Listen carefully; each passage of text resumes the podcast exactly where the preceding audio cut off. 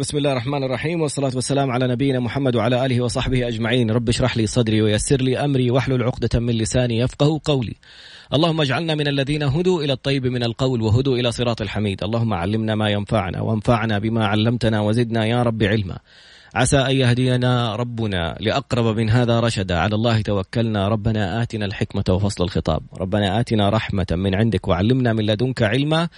إنا إن شاء الله لمهتدون. اليوم الموضوع خطير. ومهم جدا. بتصريحات من الأمم المتحدة منظمة الصحة العالمية طلعت المتحدثة بتقول 120% ارتفاع ما لنا دخل في كورونا ارتفاع بلاغات التحرش في الأطفال وفي المراهقين في خلال فترة الحظر. الموضوع أنا شخصيا وصلتني بعض الرسائل وبعض يعني الاستفسارات وأنا إنسان ماني مختص في موضوع التحرش ولا مختص في موضوع التربية لكن كانت أشياء صادمة. منها تحرشات بناس مقربين ما يخطروا على البال. منها تحرشات بأشخاص المفترض يكونوا هم مصدر الثقة. منها تحرشات داخل العائلة الواحدة بين المحارم. ما نبغى نفجع الناس لكن في نفس الوقت في احتياطات لازم ننتبه لها. لأنه لما تشوف المرحلة بتتفاقم والمشكلة تكبر أحيانا يكون الحل لهذه المشكلة أصعب. فلا يفتى ومالك في المدينة أحد المعلمات الرائعات المتميزات ال coach حصلة على شهادة في ال coaching يعني هي coach ممارس أحد الموجهات كما سمعنا من زميلاتها في ال coaching الموجهات اللي يراقبوا المعلمات. بعد انتهائها من الشرح قامت صفقت لها وقالت أتمنى أنه انت الانسانه اللي تعلمي بنتي أو تربي بنتي. فبكل فخر الأستاذة الكوتش المعلمة الفاضلة نجوى القرشي. السلام عليكم ورحمة الله وبركاته. وعليكم السلام ورحمة الله وبركاته. أهلا بك أستاذ سراد وبالمتابعين. جزاك الله خير على المقدمة. الله يكرمك. الموضوع تستبدلنا واجعلنا من الذين يتركون أثرا طيبا يا رب. آمين يا رب. الموضوع جدا خطير و يعني زي ما تفضلتي تناقشنا فيه آه، قبل البرنامج. أنا الآن بس خانقتني العبرة من المواقف اللي يعني قلت لك بعض الأمثلة عليها. فأترك لك المايك عشان نلحق الوقت. أنا آسف على التأخير كان في ظرف صحي كذا الحمد لله. أخوي خرج من المستشفى وصلت ورجعت. أعتذر عن هذا التأخير. تفضلي أستاذ نجوى. الله يطمنكم إن شاء الله بإذن الله. فعلا آه، الموضوع جدا كبير. آه ذكرت أنت في المقدمة إنه الموضوع فعلا كبير لكن حله جدا بسيط أو استدراكه جدا سهل إذا إحنا كان عندنا وعي مسبق.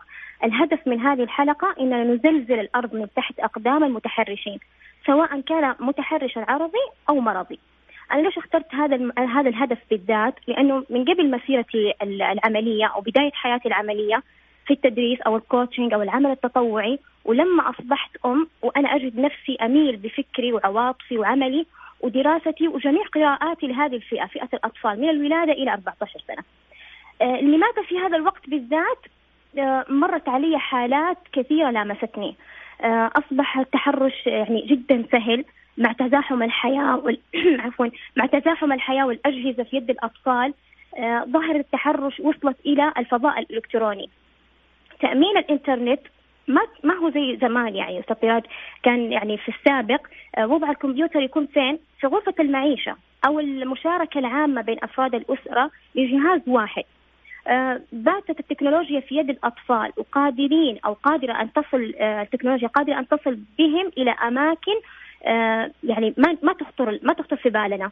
الجانب التوعوي هو من ينتصر في هذه في هذه النقطة. آه، يعني آه، قس على أنا كمعلمة عندي 90 طالبة أنا أدرسهم خلال السنة الواحدة. 90 طالبة 80 منهم عندها جهاز خاص فيها. 15 طالبة فقط تحت رقابة نوعا ما يعني رقابة ما هي كاملة ولا هي منضبطة. 65 طالبة معاها جوال أو جهاز خاص فيها أو أيباد بدون رقابة تماما وأعمارهم نتكلم عن كم؟ نتكلم عن نتكلم عن تسع سنوات وعشر سنوات و11 سنة.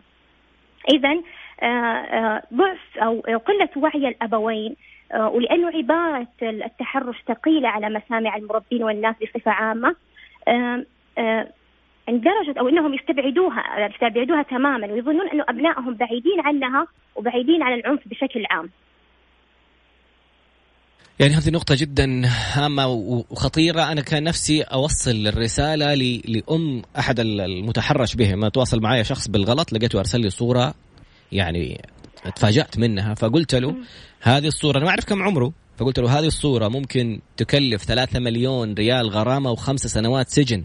فقال لي لا أنا ما أرسلت لك هي بالغلط. أنا كان المفروض أرسلها لشخص. مين الشخص هذا؟ هذا متحرش فيا. وطالبني مجبرني إني أنا آه، أرسل له صور أهلي أمي وأختي وإذا ما أرسلتها حينشر الفيديو اللي هو تحرش فيا. هو كان متحرش فيه ويقول حأنشر الفيديو لأصدقائك. فهنا الخوف إحنا نعرف إنه الشخص هذا المتحرش لو فهم زي ما تفضلتي في البداية إنه هذا المتحرش به الطفل أو المراهق فاهم حقوقه ووعيه وعارف إنه هذا الشخص ممكن ينسجن ممكن يعني ينزل في حالات عقوبات مشددة الله أعلم إذا توصل لقصاص تعزيرا ولا لا, لكن في أشخاص وفي مهن وفي وظائف أنت في انت الانسان الامان كيف انت اللي تكون مصدر التحرش؟ فكيف كيف يعني نبغى نوصل إنه كيف نفهم كيف نوعي كيف نقي هذا الموضوع من البداية؟ المشكلة لقيتها إنه هذا الطفل إنه من صغره أمهم معودتهم يتروش هو وأخته مع بعض معودتهم يكشفوا على عورات بعض معودتهم يجلسوا مع بعض يعني خليهم يجلسوا مع بعض بس يناموا جنب بعض. ففي تفاصيل حتى في سنتنا في, السنة النبوية النبي عليه الصلاة والسلام حذر إيش الضوابط في هذه الأشياء؟ كيف أقي كيف الوقاية من البداية؟ هو بس يعني بعقب على نقطة معينة إنه مفهوم العنف آه، ما عند الأهالي مفهوم العنف يعني مفهوم العنف بالمفهوم الشائع إنه أنا أضرب أو إنه أنا أعنف باللفظ. آه، العنف كما ورد في المادة 19 من الاتفاقية الدولية لحقوق الإنسان هو كافة أشكال العنف أو الضرر أو الإساءة البدنية والعقلية أو الإهمال أو المعامل منطوية على إهمال. إذا أنا لما أنا ما أكون ما أثقف ابني من الولادة آه، بموضوع التحرش أو أنا ما أكون آه، ما ما يكون تحت رقابة آه، عالية أنا هي أهملته. هذا يعتبر عنف. بس إحنا بالنقطة النقطة الثانية اللي بعدها بنتعرف أول شيء عن من هو المعتدي. يعني, يعني الناس بتفكر إنه المعتدي دائما يكون إنسان يعني مفترس أو تجرد من إنسانيته ليشبع غرائزه الوحشية لا يحمل إلا الفقر العاطفي. صحيح لكن مو شرط. هذه ممكن يعني آه، تصدم بعض الناس لكن مو شرط. قد يكون ضحية الظالم المظلوم أو طفل لم يحظى بالرعاية أو التثقيف. يعني ممكن يكون هو متحرش عرضي أو, أو أيضا كمان ممكن يكون متحرش مرضي. إيش الفرق بين العرضي والمرضي؟ العربي زي ما قلنا إحنا الطفل في طفل في مرحلة حنبينها إن شاء الله في الفقرة القادمة مرحلة من عمر الطفل آه، يكون عنده حب للتجربة والمعرفة والاكتشاف. طبعا لما ما يكون في وعي وما يكون في آه، آه، اطلاع من الأهل وتثقيف منهم ممكن يصيب الطفل هذا الفضول من غير ثقافة من من غير وعي فيكون هذا متحرش عرضي بس قد يصل طفل في في تحرشه العرضي قد يصل إلى التحرش المرضي. ويصبح هو متحرش. آه، في هذا هذا يسمى بالسلوك السيء. يعني ما نسميه هذا الطفل الصغير متحرش لكن هذا السلوك السيء ممكن يوصله إلى آه، إنسان متحرش إذا ما كان تحت ثقافة وتحت ثقافة الأهل ووعيهم. جميل. والمرضي اللي هو زي ما شفنا وشفنا في حالات انتشرت في وسائل التواصل الاجتماعي وانعرف عنها وطلعت تقارير. طلع احدهم معلم وعنده أطفال وما يقرب أطفاله لكن هو ما أعرف إيش المشكلة النفسية اللي كان يختطف أطفاله وتصور. ما نبغى نرجع نفتح القصة يعني أحيانا عائلته ولا أبنائه ما يكون لهم ذنب إنه هم يكونوا ضحية. مرض هذا الشخص واللي أغلب الحالات للمتحرشين هم أشخاص للأسف تم التحرش بهم وهذه النقطة اللي أتمنى نعرج عليها في الفقرة القادمة. كيف ممكن نلحق نعالج؟ لأنه للأسف بعض الأسر لما يعرفوا إنه ابنهم تعرض للتحرش يقفلوا على الموضوع ولا يتكلموا مع مختصين ولا يسألوا أحد ولا يتكلموا في الوضع. ينتظروا تتفاقم هذه الحالة يا إما برغبة شديدة للجنس أو بخوف شديد من الجنس أو إنه يصبح متحرش مستقبلا في الأطفال يسوي زي اللي صار فيه. في الفقرة القادمة يبقي معنا استاذه نجوى الكوتش نجوى القرشي شكرا على المعلومات الرائعة. ولفتني نقطة من الولادة كيف أوعي طفلي من الولادة؟ يعني رضيع في الفقرة القادمة أيضا خليكي معنا. وقت الزحمة ورايح للبيت.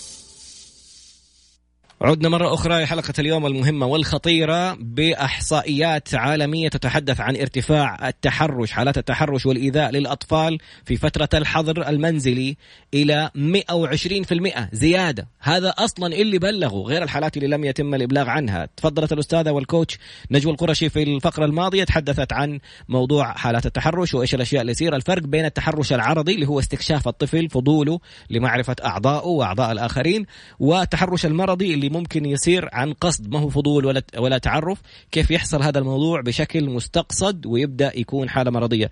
كوتش نجوى تفضلي قلتي على أساس موضوع التوعية وقلتي موضوع يعني الطرق العلاجية أو إيش العواقب اللي ممكن تحصل إنه المتحرش بهم يتحولوا إلى متحرشين أو رغبة جنسية عالية أو خوف تماما من الجنس. إيش الوقاية وإيش الأشياء العقبات اللي تحصل بعدها؟ تفضلي.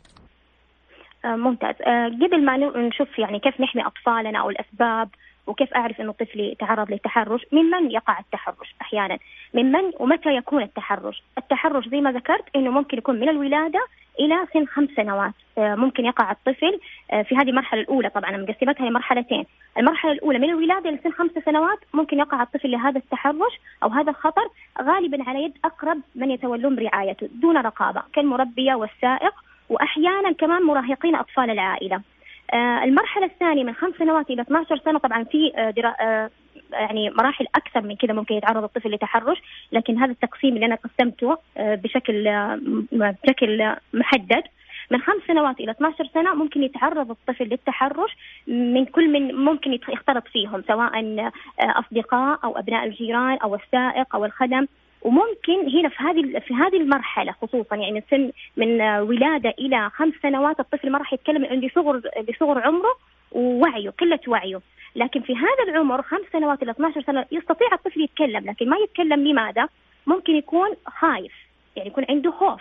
خوف من المتحرش نفسه.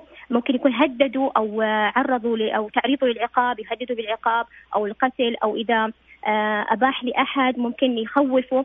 ممكن الطفل ما يخاف من المتحرش لا يخاف على مشاعر أهله. هذه نقطة جدا مهمة. يعني الطفل مرت علي حالات الأطفال عندهم وعي كبير جدا ما شاء الله لا قوة إلا بالله ما نستوعب إحنا كأهل.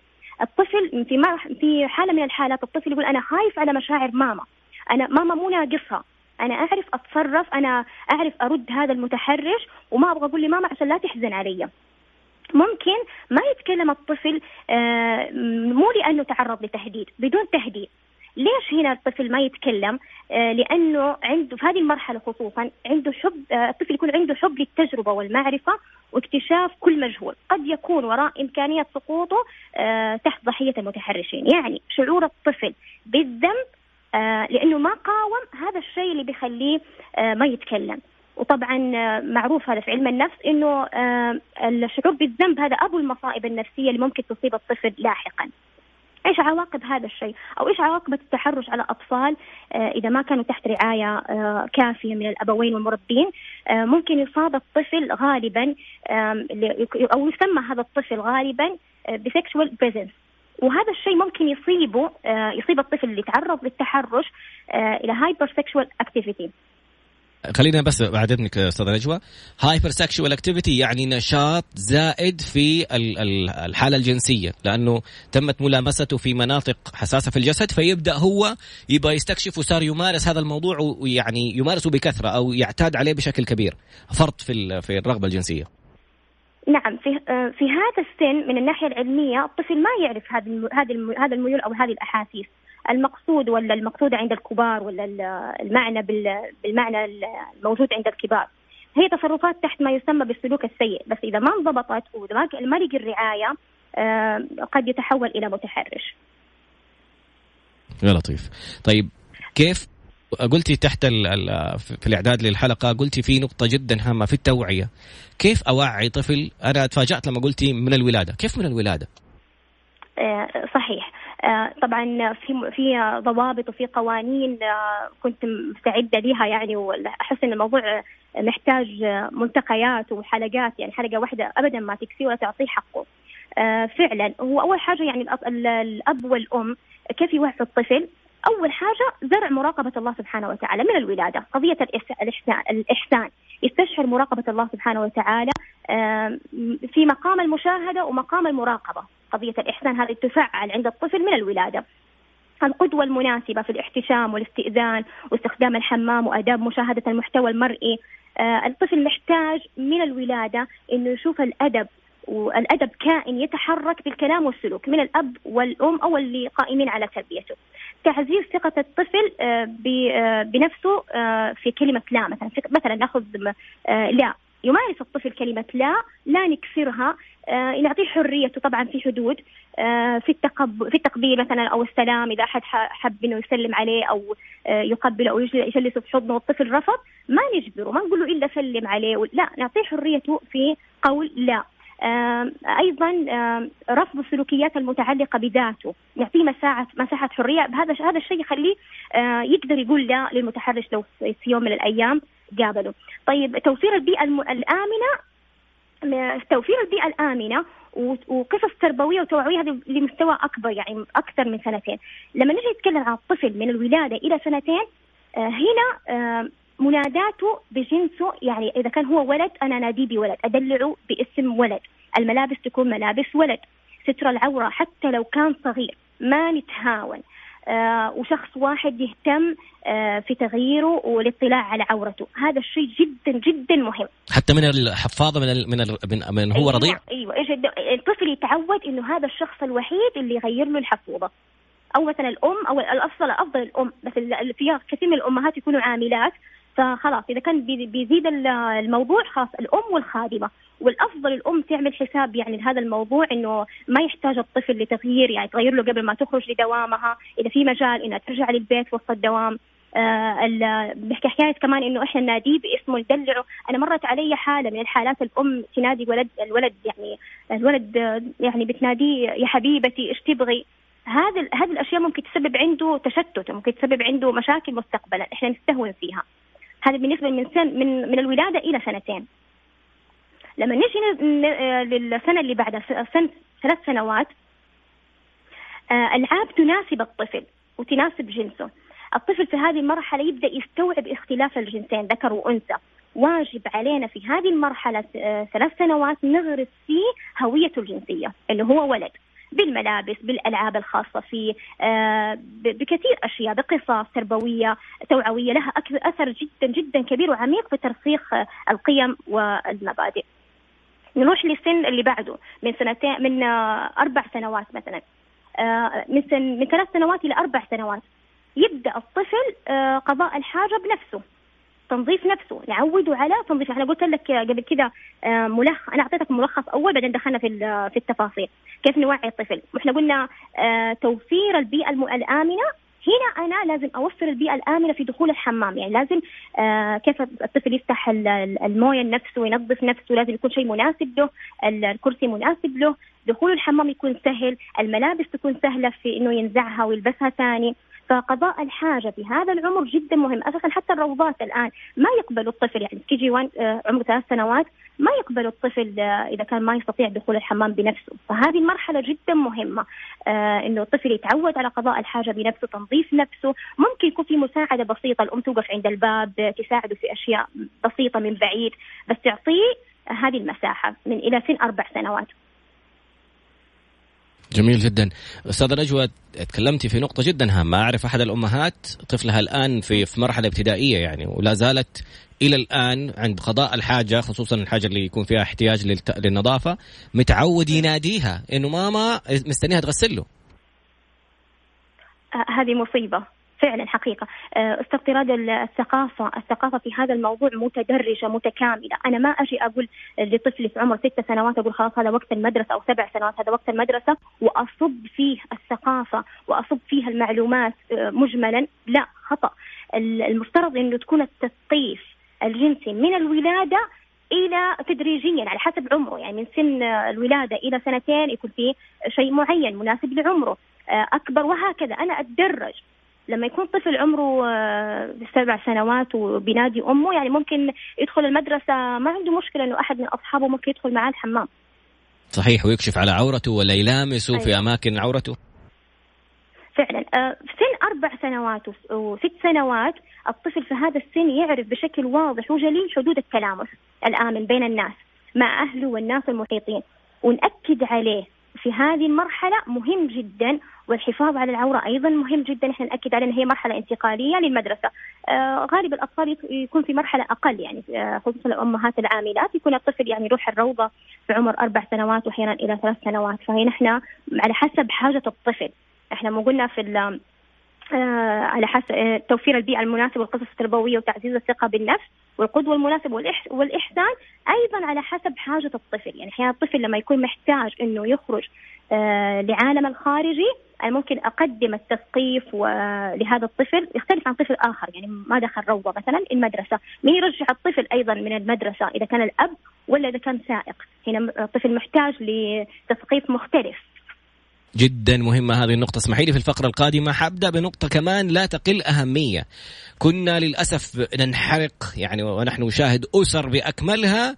تشاهد المسلسل التركي في في عصرية اليوم وهو يتحدث عن الحب المحرم. جالس يحب لمرة أبوه والحب الممنوع والحب المدري مين وت يعني وتجي تسألي ولا إيش هذا؟ وإيش المسلسل ده؟ ولا إيش اللي بيصير؟ الطفل اللي في العائلة تحكيكي لا أصلا هو عشان مرة أبوه كيف دول جالسين يتفرجوا؟ المصيبة الآن ما صارت في المسلسلات الحمد لله إنه وقف المسلسلات التركية. ما صارت في المسلسلات التركية. صار الموضوع في النتفليكس والقنوات المدفوعة اللي جالسين يتفرجوا عليها من جوالاتهم. عندي تعليق في الفقرة القادمة. يحرق قلبي لأنه الموضوع زي ما أحد المختصين في الاستخبارات الروسية طلع قال إحنا اللي تشوفوه عمليات القتل واللي تسمعوا عنها عمليات الاغتيال والأشياء هذه اللي بتصير والمعارضين. هذه 15% من ميزانية الدول ولا المخابرات عموما. 85% أو كم هي 15 75% من ميزانيات الاستخبارات وال... أو أي مجتمع نبغى نحطمه نبدأ نزرع فيه نخلخل ثقافته الدينية والخلقية والعادات والتقاليد.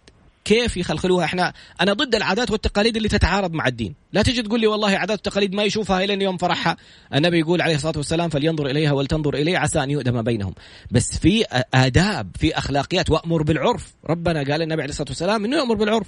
في أعراف تعارفنا عليها في مجتمعات محافظة في موضوع مختلف. الآن يعني أنا حاطرح الفكرة الآن وأنت لو تعلقي لي عليها في الفقرة القادمة. كذا بالعربي بالمسميات. مسلسل فريندز من أحد أشهر وأجمل المسلسلات. وأنا أقولها إنه من أشياء مضحكة. كيف يدسوا السم في العسل ويخلي لك الممثلة هذه تقبل زميلتها وإنهم يصير بينهم علاقة؟ كيف واحد من الممثلين يجرب علاقة جنسية بين رجل ورجل؟ إيش المصايب هذا اللي تدخل بالدس؟ وبدأت الناس اللي كان أول حتى في الغرب كان يعني مشين إنك تقول أنت من عندك شذوذ جنسي ولا جالس رجل مع رجل ولا امرأة مع امرأة. صار الآن من خلال المسلسلات يبدأوا يتقبلوا. زي ما تقبلوا كان أول الناس ترفض إنها تشاهد إنسانة لابسة النور قصيرة في بحر حتى. وجابوا أول ما حصل أحد الأفلام اللي عرضوا فيه بعض اللقطات إنه نزلت واحدة لابسة المايو ولا نزلت لابسة بكيني. محمد علي كلايبي يقول البكيني بيعرض من جسم المرأة أكثر مما يعرض ملابسها الداخلية وهي في البيت مع زوجها. يعني الناس جالسين يشوفوا كل شيء. في المقابل كمان موضوع المسلسل الجديد هذا بيلا تشاو اللي الناس جالسة ما أعرف إيش اسمه اللي فيه أغنية بيلا تشاو. البروفيسور ولا المسلسل في أحد الشخصيات اللي انشهرت وانعرفت والناس حبوها ومات. الشخص في في أول season ولا ثاني season. شخص أحد الرجال اللي موجودين. قاموا يجيبوا الآن عشان يحيوا ذكراه فجابوا كانه بيتذكروا قصته ما قبل وفاته ويستعرضوا إنه في نهاية الحلقات إنه جالس يقبل رجل آخر، هذا الشخصية المحبوبة اللي كل الناس قالوا ليش مات وكيف ينتهي وكيف صار المسلسل كذا، رجعوه كأنه ذكريات من حياته وهو جالس يقبل رجل آخر. فهذه الأشياء المشاهد اللي النفس بالفطرة تم تعض هذا الشذوذ شيء مقزز ومقرف. فكيف جالسين يظهروا لنا إياه؟ إنه خلاص مشهد وشوفوا مشهد وشوفوا لين بعد كذا تشوف الشخص أمامك وأنت متقبل الفكرة. بدل ما يكون الموضوع شيء يخجل منه الناس صاروا ممكن يتباهوا فيه ويقول لك عادي إنه هذا آه شيء شخصي. لا مو شيء شخصي وشيء محرم وشيء ضد الفطرة وشيء جالس يجينا في أكثر من مكان بأكثر من طريقة. ف أنا آسف إنه دخلتك في مواضيع يعني يمكن تكون أكثر عمقا وحساسية لكن بداياتها وعي وعي وعي وعي وتحرش إلين ما يوصل لأنه بعض التحرشات أحيانا تسير من من الجنس نفسه إن كان في المدارس بين الأولاد والأولاد أو بين البنات والبنات. فالفقرة القادمة ردي لنا الله يجزاك خير وسامحينا على الحرقة اللي أنا فيها من الأشياء اللي بشوفها. Mix FM, it's all in the mix.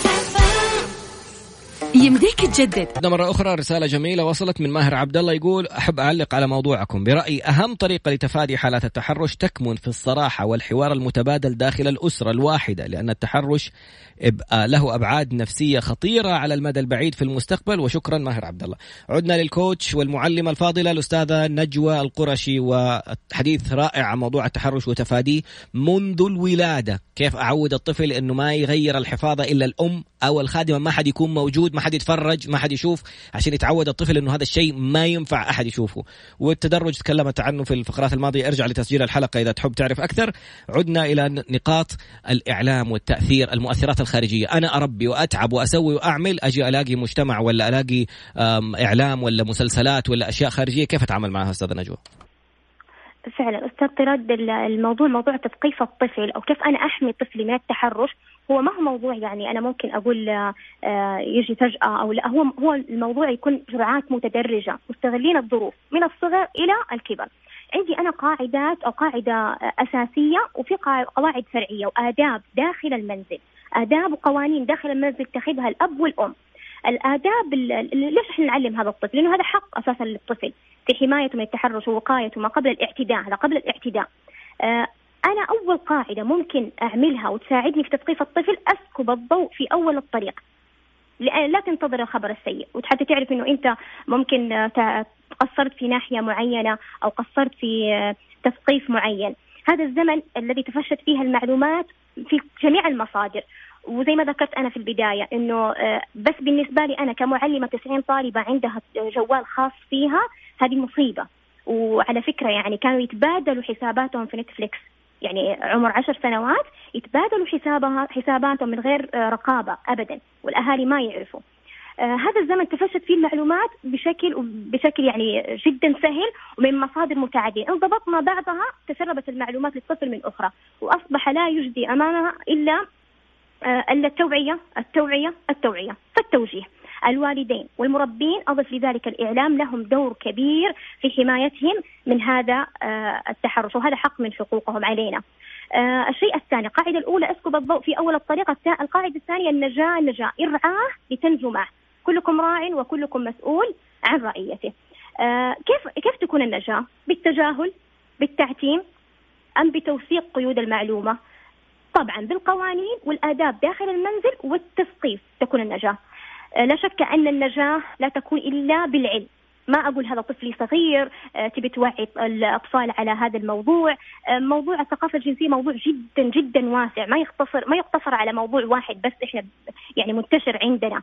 آه، يجب علينا أن نتعرف على خصائص كل مرحلة. أنا كأم أنا أو كمربية لازم أعرف خصائص كل مرحلة عمرية يمر بها أبنائنا. وتقديم المعلومة في هذا الموضوع بما يتناسب خصائصهم في هذا العمر والقدرات. القاعدة الثالثة جرعات متدرجة مستغلين الظروف. آه، قاعدة ذكرها الأستاذ حامد زهران أستاذ الصحة النفسية. التربية الدينية هي أساس للتربية والتثقيف آه، الجنسي في هذا الموضوع. آه، طيب إحنا الحين أخذنا هذه القواعد الثلاثة الأساسية. محتاجين ضوابط للتوعية. طريقة الكلام يكون مناسب لسن هذا الطفل. حاجة هذا الطفل هل في مربية ما في مربي في سواق أو ما في سواق أو ما في سائق. آه وعيه في طفل أوعى من طفل. في طفل تعرض لمواقف في حياته طفل آخر لا. البيئة المحيطة لهذا الطفل وأيضا تكون هذه طريقة الكلام مع هذا الطفل. أيضا تكون التوعية مستمرة طوال فترة نمو عمره. ما أجي في وقت دخول المدرسة وأصب المعلومات في سن المدرسة بس كاملة لا متدرجة. أيضا تكون متكاملة مو بس في موضوع واحد أنبهه على السواق وانتبه ولا على الزملاء في المدرسة لازم تكون في مواضيع مختلفة والمهمة النقطة الرابعة جدا جدا مهمة في جو حواري هادئ بغير من غير توتر وإزعاج وخوف أو من غير تساهل. أرمي الموضوع كذا خلاص ويكون موضوع جدا عابر. واضح؟ هذه قواعد أساسية قبل ما أنا أنا أدخل في الآداب والقوانين داخل المنزل آداب مشاهدة التلفاز ولا آداب الاستئذان والآداب الأخرى. نرجعها مع بعض؟ يا ريت. طيب الضوابط التوعية أول شيء في قواعد أساسية. القاعدة الأولى اسكب الضوء في أول الطريق. واضح. القاعدة الثانية النجاة النجاة إرعاه لتنجو معه. وكلكم راع وكلكم مسؤول عن رعيته. القاعدة الثالثة آه القاعدة الثالثة جرعات متدرجة مستغلين الظروف إيش يعني إيش قصدك بمستغلين الظروف أستاذة نجوى؟ آه أستغل كل ظرف. الطفل الآن مثلا في مرحلة دخول الروضة. أنا أستغل هذا الظرف. الطفل يعيش في بيئة آه، أسرة كبيرة. أعمام آه، خوال ساكنين في نفس العمارة. أنا أستغل هذا الظرف. الطفل مضطر إنه آه، يروح مع آه، السائق. أنا أستغل هذا الظرف. الطفل حيدخل مدرسة. أستغل هذا الظرف. آه، الطفل في سن سبع سنوات راح يبدأ يروح المسجد. أنا أستغل هذا الظرف. جميع الظروف اللي تمر مع على الطفل أنا أستغلها ما ما أتجاوزها. إيش هي الضوابط التوعوية والحماية لحماية الطفل؟ طريقة الكلام مناسبه لسنه وحاجته ووعيه والبيئة المحيطة. النقطة الثانية مستمرة طوال فترة نموه. النقطة الثالثة متكاملة مو في موضوع واحد فقط. في جو والنقطة الرابعة في جو حواري هادئ. هذه نقطة جدا هامة لأنه أحيانا ردة الفعل العصبية وال... وكيف صار كذا ولا العقاب جايك يشتكي؟ تعاقبه؟ يبطل يتكلم معاك تماما وأنسى بعد كذا ممكن يجي لو صارت له مصائب الدنيا كلها عمره ما حيجي يتكلم معاك. يشيل رد أهم ردة فعلك المتعصبة. صحيح. طيب آه، ما هي الآداب والقوانين داخل المنزل اللي تساعد الطفل على التثقيف آه، في هذا الموضوع وتحميه إن شاء الله بإذن الله بعد الله سبحانه وتعالى. آداب جدا كثيرة. ممكن نبدأ بأدب الأول اللي كنت ذكرت آه، عقبت عليه كثيرا هو هذا الشيء اللي خلاني ممكن أنا أفتح هذا الموضوع وأحب أتكلم في هذا الموضوع. أدب مشاهدة المحتوى المرئي. لازم المحتوى المرئي يناسب آه ولات وأيضا حتى وهو مناسب يكون بمعية أحد أكبر منه. يعني ما الطفل يشوف أشياء مناسبة لكن مو آه لوحده. لازم يكون في أحد معاه أكبر منه واعي آه أب أم أخ كبير واعي. أنا لما أجي آه يكون عندي آداب مشاهدة المحتوى المرئي ما تكون هذه الآداب بس منصبة على هذا الطفل. أنا أكون قدوة يعني أنا أيضا كأم كأب كمربي أكون قدوة لهذا الطفل. ما أشوف أشياء أقول لا ما ينفع أنت تتفرج يلا روح الغرفة الثانية إحنا بنقعد نتفرج طب فين القدوة؟ هذه نقطة جدا هامة. الطفل يحتاج إنه يشوف السلوك والقيم آه، شيء محسوس شيء يتحرك يتكلم. الأب والأم قدوة المربي أيضا قدوة والأخ الكبير أيضا قدوة. ممكن إحنا من ناحية أدب مشاهدة المحتوى المرئي نضبط اعدادات الجهاز الريسيفر الأيباد الجوال. المواقع أيضا لها ضبط أيضا. آه، ممنوع البرامج الغير مناسبة لعمرهم. آه، طبعا هذه القاعدة لما تكون موجودة في البيت وداخل البيت منذ الصغر الطفل يتقبلها. ما يجي ما أجي فجأة أنا امنعه من من الجوال وأسحبه منه. ما حيكون في آه، حيكون في عنده ردة فعل عنيفة. هذه نقطة أستاذة نجوى لو تسمحي لي أعقب عليها لأنه الآن أنت الآن بنفسك تكلمتي عن أنه 90 طالبة عندهم يعني 90% تقريبا من الطالبات عندهم جوالاتهم الشخصية. فلو الآن الشخص انتبه خصوصا اللي انتشر والحمد لله الحكومة آه، يعني على قدم وساق في موضوع المتحرشين.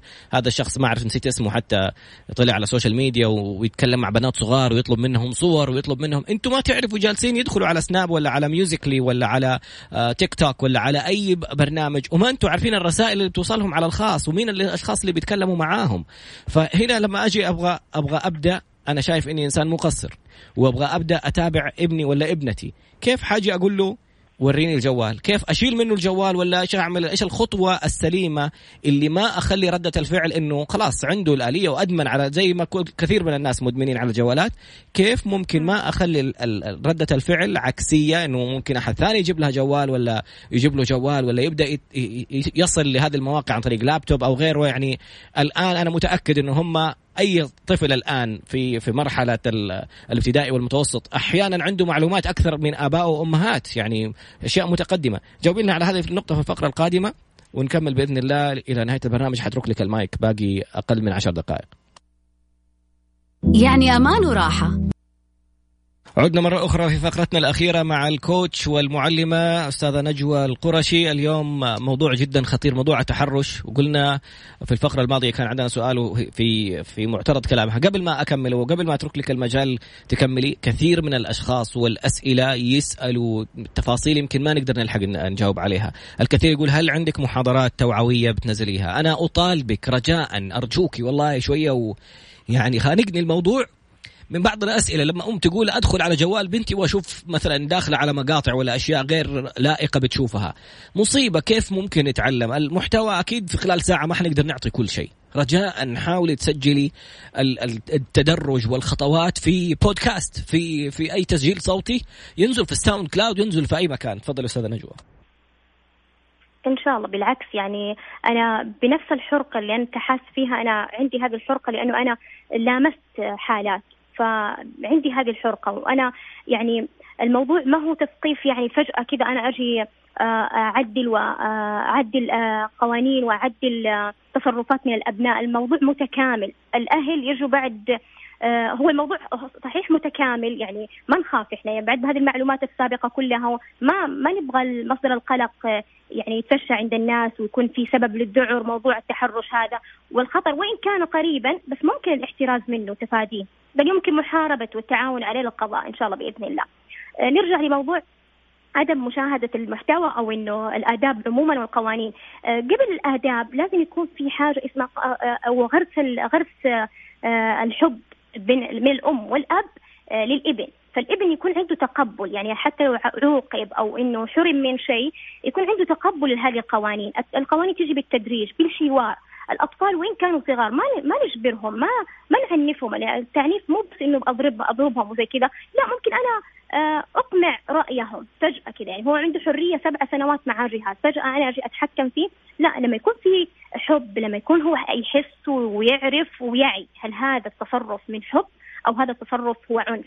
إذا يكون في حب يكون في حوار بالتالي إحنا ندخل على الآداب، الشيء المهم جدا إنه إحنا في الآداب هذه والقوانين تكون آه، على الأسرة كاملة، الأب، الأم، الأخوان الكبار والصغار. آه لما معلش أنت ممكن تعيد سؤالك أستاذ طراد على آداب مشاهدة المحتوى؟ الآن شافت ابنها وابنتها ماسك الجوال واكتشفت إنه دخل على مقاطع غير لائقة ولا يعني اكتشف إنه في تواصل مع شخص أو أشخاص على على برامج وسائل التواصل الاجتماعي بيطلبوا منهم أشياء غير لائقة. إيش العمل في هذه الحالة؟ هنا إحنا بنتكلم عن إنه آه، حدث التحرش. ما يهم. أو إنه حدث الشيء الخاطئ. ما يهم. المهم كيف نتعامل مع هذا الموضوع؟ آه خطأ إنه إحنا آه نتجاهل هذا الموضوع أو خطأ إنه إحنا آه نعاقب الطفل. نعاقب الطفل عقاب أو إنه نحرم خصوصيته. أنا أختلي بهذا الطفل في مكان خاص أتكلم معاه بنقاش اشجعه على الحديث الإنصات. ما أعطي ردات فعل مندهشة وانفجع من ردات فعله أو أو كلام. ما أعطي ردات فعل تخليه ينفجع ما يكمل معايا. أستمع انصات ما أكرر الأسئلة عليه كثير. إذا حب يجاوب على هذا السؤال ممكن أعيد سؤال آخر وأطرح عليه سؤال آخر. آه، أهم شيء اشعره بحناني. يعني أنا ماني جاي أعاقبك وأنا شايفتك أنت يعني عامل حاجة خطأ. لا آه، أشعر بحناني. آه إنه كمان آه الغلطة ما هي غلطتك أنت بس الغلطه إحنا ممكن نتحمله كلنا. آه نوثق نوثق كل حادثة ممكن إذا كان في تحرش يعني عبر السوشيال ميديا ممكن نوثقها الجهات المختصة. المهم المهم المهم ما أخبر أحد. يعني أنا ما أشهر بإبني. حتى لا يكون مسار للشفقة بين أخوانه ولا من الناس الأكبر منه ولا من العائلة ولا من اطفال العائلة أيضا كمان. هذه نقطة جدا. هامة. ما أخبر أحد في محيطه لكن أبلغ الجهات المختصة. أيوة.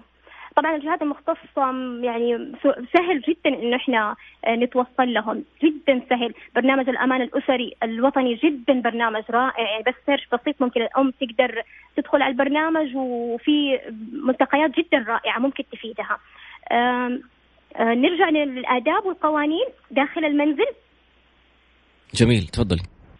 طيب. آه، آداب مشاهدة المحتوى يكون هذا الأدب آه، شامل الكل.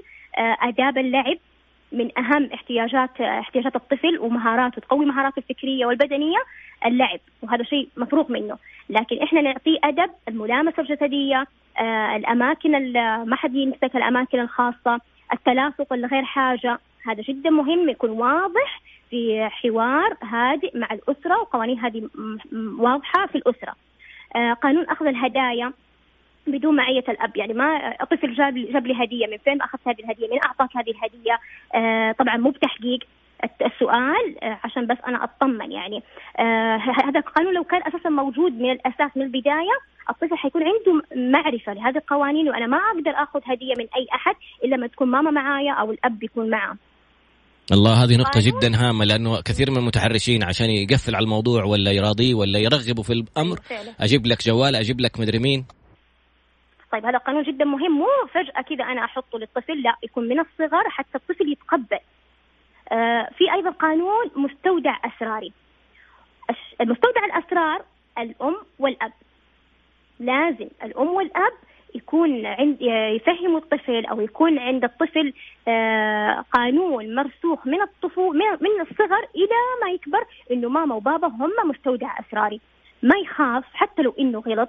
أنا ما مو مقصدي إنه أنا أكون مستودع أسرار ولا أنا اعاقبه المقصد إنه أنا آه، أخليه تحت الرقابة أعدل السلوك ما يكون في مبالغة في في العقاب. فبالتالي الطفل يطمن ويرجع لي أنا دائما آه وبيحكي بالتفاصيل. قانون الاستئذان اسمه قانون الأبواب. الأبواب دائما تكون مفتوحة في أغلب الوقت. جميل جدا. فقط عند الحاجة. تفضلي. عند الحاجة آه الباب فعلا مفتوح مفكوك يعني مو مقفل بالمفتاح لكن ممنوع يدخل أحد على الثاني من غير ما يطرق الباب حتى الأب ما يدخل على أبنائه لأنه هذه هذه هي القدوة، الطفل يتعلم في الصغر من سن من الولادة إلى خمس سنوات بالمشاهدة، أنا أشاهد أبوي يدخل على أخوي الكبير آه، يفتح الباب آه، مسموح للأب والأم يدخلوا كذا فجأة، لا ممنوع. حتى الأب يطرق الباب لما يجي يدخل والاستئذان آه، لأنه إحنا عندنا قانون قانون إنه الأبواب دائما تكون مفتوحة ما هي مقفولة إلا وقت الحاجة. طبعا هذه قوانين قوانين جدا كثيرة بس أنا احاول بختصرها يعني. والله أستاذ نجوى قبل ما تختصريها يعني أحد الأخوات بترسل رسالة بتقول أتمنى يكون المحتوى هذا كله مكتوب. وتسوي له أستاذ نجوى في كتيب بما إنك بتحاضري فيه وبتتواصلي وشفتي حالات وتقدري تستشهدي بأرقام من الأشياء اللي أنت وقفتي عليها بنفسك. نقطة ثانية زي ما قلت لك رجاء. فكري في موضوع التسجيلات الصوتية. إحنا ممكن نساعدك فيها اذا إذا المحتوى جاهز كيف ممكن تسجليها وفين ممكن تطلقيها. باقي لنا تقريبا نص دقيقة. ما أعرف والله آسف إني بقول لك هذه المعلومة وأنا آسف على التأخير اللي ممكن أخذنا من وقت البرنامج بس إيش تقولي لنا في الختام؟ آه، أستاذ ما دام أن خطر العنف آه، بشتى أنواعه استشرى في المجتمعات بسبب قلة الوعي فلنكن نحن كمربين ووالدين وإعلام أكثر استشراء. صرير العنف أصم آذاننا فلنواجهها ولا نخاف فلنكن نحن الإعصار للمعنفين نقول لا. للمتحرشين نقول لا وللمستغلين نقول لا. نزلزل الأرض من تحت أقدام المتحرشين. شكرا جزيلا الكوتش والمعلمة الفاضلة الأستاذة نجوى القرشي اليوم. موضوع جدا هام جدا هام وأحد الأمهات كانت بتسأل كيف أنا أكون قدوة لابني عشان يقرأ ولا عشان يصلي؟ زي ما تفضلت أستاذة نجوى أنا أكون الشخص اللي بأمارس هذا الشيء أمامه. شخص مهما قلت له لا وعيب وما ينفع لما يشوف الأب ولا الأم ولا الأخ الأكبر بيعمل هذا الشيء أكيد حيرجع يسوي. انتهت حلقتنا. شكر جزيل. وأكيد ما راح تكون الحلقة الوحيدة مع استاذه نجوى. إن شاء الله ناخذ سلسلة من الحلقات التوعوية. غير إذا سوينا إن شاء الله محتوى أو حتى فقرات توعوية تنزل على ميكس إف إم بإذن الله. شكرا جزيلا coach نجوى. استودعكم الله. انتهت حلقتنا. سبحانك اللهم وبحمدك. أشهد أن لا إله إلا أنت. أستغفرك وأتوب إليك. أتكلم مع ابنك أرجوك. وتحيه لأبو أحمد أخوي الكبير أخوي طلال الحوار الرائع اللي بيصير بينه وبين بنته سديمه وبين أحمد. الحوارات اللي تحكي عن صديقاتها عن المواقف اللي بتصير معاها هي الوقاية في أمان الله.